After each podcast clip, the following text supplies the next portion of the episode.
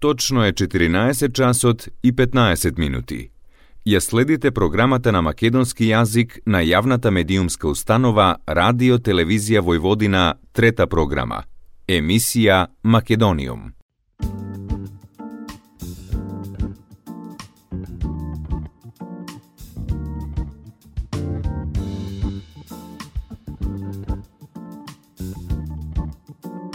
Добар ден и добре дојдовте во најновото издание на емисијата Македониум, која ја следите секоја среда на третата програма на радиото при Радио Нови Сад. Со вас е вашиот уредник и водител Јулијана Милутиновиќ до 14 часот и 45 минути. Во денешното издание на емисијата ни гостува авторот на музиката која и во овој момент ја слушаме, музичарот, инструменталист и автор на едно прекрасно музичко издание Not for Sale, Сашко Николовски.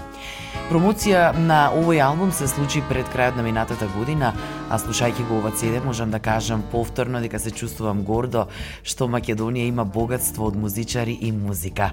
Ја имам таа среќа да го познавам Сале одамна и за денеска во емисијата Македониум ќе слушнеме што ни кажа за албумот, за музиката, за се она што зборувавме во оваа прилика. Македониум. На прашањето зошто Not for Sale и колку време го подготвуваше албумот, тој ни кажа. Добро, Not for Sale, зошто и колку време е подготвуван. А, минатата година, а, септември, октомври, август, септември, октомври, го подготвив албумот и на него се сместени 8 композиции. Две се од постав датум, а другите се 6 веќе тогаш направени и имав некои скици, меѓу време ги искористив и само ги подотерав и ги аранжирав за таков вид оркестар. Така да октомври, ноември излезе албумот, таму негде септември мислам беше кога го снимавме, крајот крајот на септември. А кога би се навратил наназад, дали би снимил некој поинаков жанр? Кога би се навратил назад, прашањето е дали би снимил некаков жанр. Па може би да, може би не, може би би влегол во некоја поинаква авантура. Меѓутоа, тоа е, се препуштам на моментот и на инспирацијата. 70-80 години тогаш почнав да собирам плочи, оно што можеше да се најде во, во Скопје во продавниците на РТБ и на, на Југотон. Собирав ше, се што можеше да се, да се купи подоцна и Солун ми беше местото каде што може да набавам по некоја плоча од uh, стилот на соул, од фанкот, uh, фјуженот, джезот и така натаму. Македониум. А инспирацијата колку што видов е назад во 70-тите и 80-тите. Имало ли нешто што ти оставило посебен впечаток во музиката за твоето развивање како джез музичар? Неколку сејшени ми оставиле голем впечаток на живот и трага.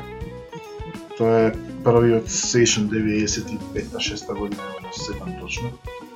Со а, трубачот а, таа година беше неговиот албум прогласен за најдобар во одредена класификација во джез а, списанијата во Америка.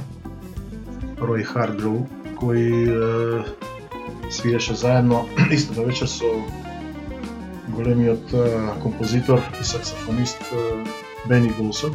ја има два засебни настапи таа вечер и за наша среќа беше понеделник, колку што се сеќам, и отидовме после концертот да се собравме кај изоки Зоки Мали од УМЦМ каде што тогаш имаме редовна свирка. Секој понеделник се случува таму джез свирки и јас со мојот другар Гоце Стефковски, Киселиот, Киселички, Мучо, мислам дека беше таму Марија Димитриевич, не знам дали не се сеќам точно. Меѓутоа, што е важно, важно е таа вечер Рој Хардов дојде со неговата екипа или дел од неговата екипа и дел од екипата на, Бени Гос. Направивме на еден, еден сешен, на незаборавна вечерта, ето така остава траги во мојот живот и се запечатува таа таа љубов кон, кон джезот и таа фасцинација од него. Имав и уште неколку такви моменти Фред Веслин, во Скопје пред 2-3 години пред короната, и во Хотел Парк направивме една средба, тој повика млади луѓе да дојдат и да се подружат со него, искористив јас прилика, го запознав тогашниот мој идол, пошто тој беше во тој фанки свет заедно со неколку мина од тоа време од детроитската сцена. Познати музичари. Македониум. Денес во Македониум Сашко Николовски, кого јас пред се го познавам како инструменталист, класичар. класичар, да. Јас сум класичар, пошто долго години работам во опери балет. И сум фасциниран од, од таа музика, бидејќи сум едуциран. Класично имам завршена академија во Скопје. И така полека, кога ќе навлегува човек по тие води, ги открива убавините Паралелно со тоа ми се отвара е, некакви светови, нели? И во класичната, и во джезот, и во експериментална музика и сега и радо и со големо задоволство и љубов приоѓам кон сето тоа, нормално е дел од мојата да речеме естетика која што можам да, да ја да ја произведам. Македониум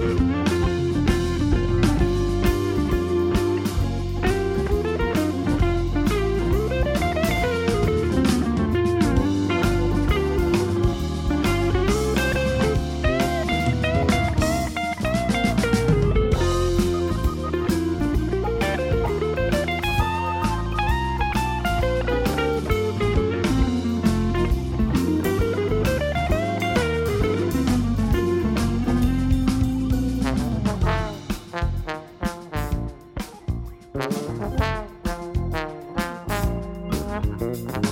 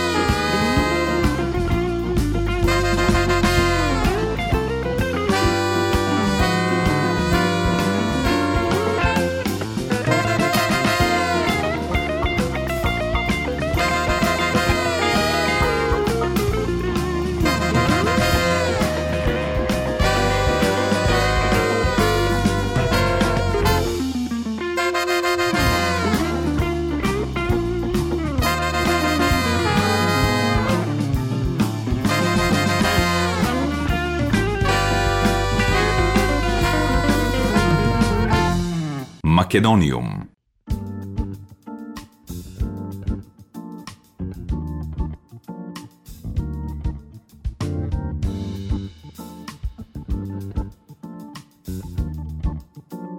Денес во Македониум Сашко Николовски со Сале зборував и за операта како врв во музичката уметност.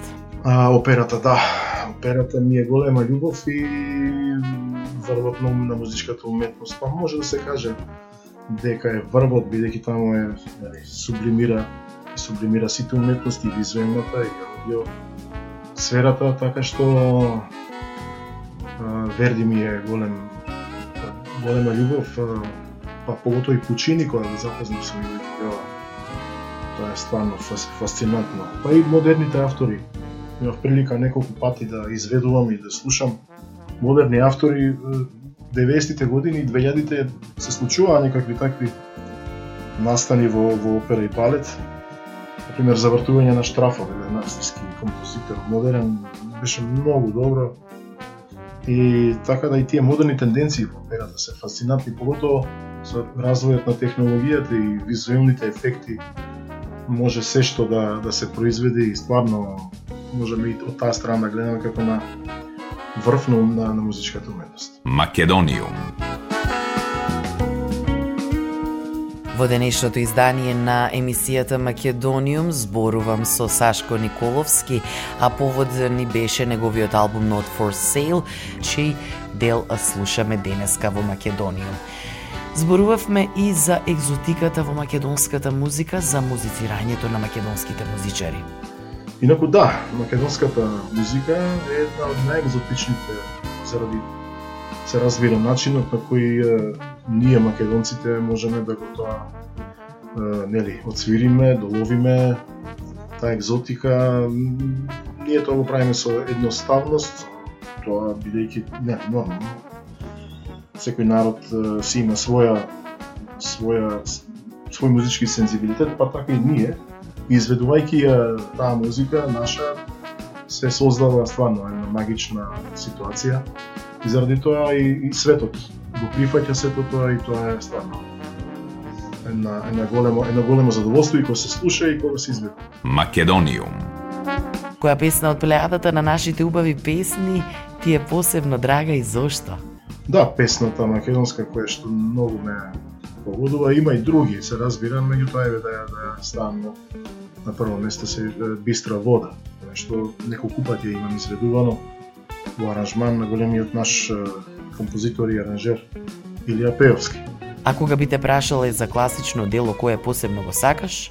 Класично дело кое многу ме фасцинира не е само едно, тоа се многу, не, не можам ни да ги издвојам, тоа се толку многу информации, толку многу убава музика, која може да, да влезе во, во тој избор на, на фасцинација и која, која ме фаќа. Еве добро е на мисла се ми доаѓа големиот Прокофиев, неговиот Ромео Јулија, изведувајќи е така со голем маестро Тадеуш Шебилски, Се името дали му го погрешив не знам, Шебилски е сигурно, кој што 90-те години доаѓаше во Македонија и тој е еден од големите диригенти во полската школа, големата полска школа и романската исто така и маđарската, руската се разбира.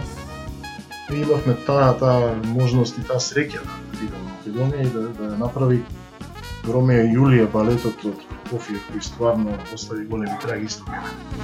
Македониум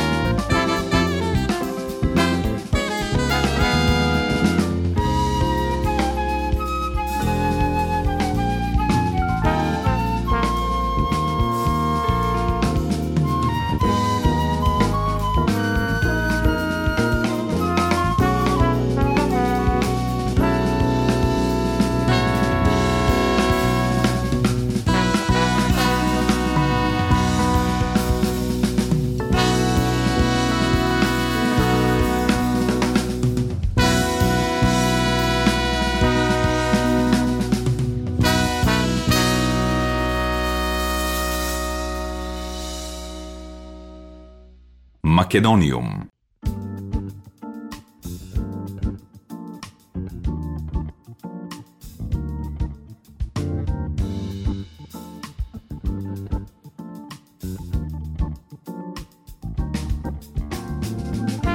Денес во Македониум Сашко Николовски, кого јас пред се го познавам како инструменталист, класичар.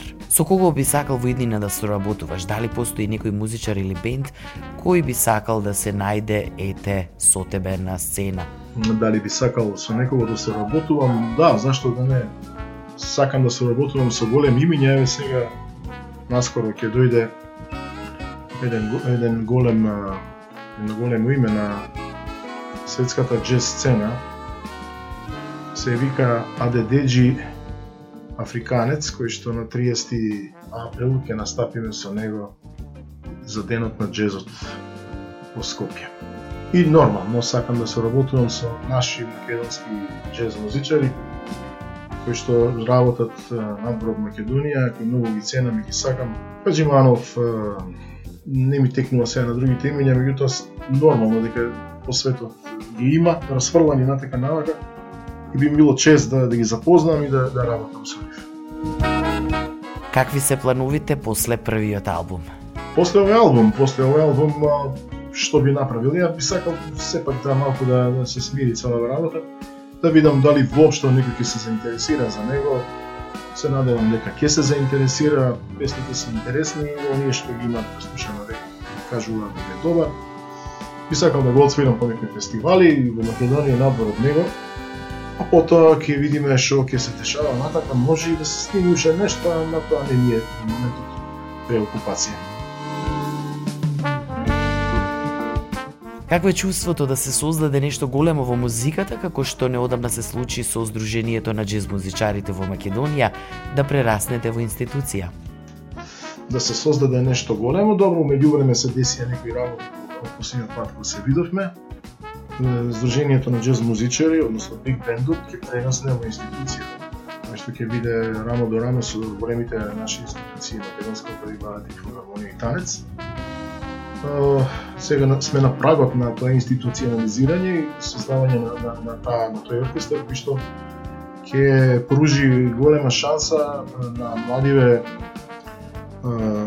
музичари, джез музичари кои што се едуцирани во во една од најголемите джез академии во Грац. Тоа е таа австријската петорка која минатиот пат ја спомнав Гордан Спасовски, Трајче Велков, Иван Иванов, Кирил Кузманов, Кирил Туфекчиевски. Тоа се млади луѓе кои се по енергија рамо до рамо со големите светски имиња, имаат одлична подкованост, знаат, тие се и самите и композитори, и аранжери, така да ја многу надеж полагам во, во нив и дека со наша помош, кој што сме, да речеме, ветерани, јас сум најстари во Биг Бендот, ќе ќе им се радувам на, на сите успеси и мислам дека ќе успееме да ја направиме оваа институција да биде гордост на Македонија во однос на изведување на домашни дела и нормално светски автори. За крајот на денешниот разговор со Сашко Николовски зборувавме за љубовта и посветеноста. Љубов и посветеност. Љубовта не се учи, таа нема едукатор, таа има само на лична лично откривање на љубовта и примена незина и мислам дека таа може да открие многу светови и се надевам дека таа ќе победи и ќе биде секако што треба и светот ќе заприва помирни води, ќе се расчистат овие области кои ето последната година дена сме сведоци на тоа. Поздрав Јуле и секој добро. Македониум. Јас денеска уживав во овој разговор со Сашко Николовски, авторот на CD изданието Not for Sale. Уживавме и во музиката од ова CD во денешното издание на Македониум. Поздрав до сите вас, почитувани слушатели, од вашиот уредник и водител Јулијана Милутиновиќ. Се слушаме повторно следната среда во исто време. Ја следевте програмата на македонски јазик, емисија Македониум. Главен и одговорен уредник Воин Поповиќ.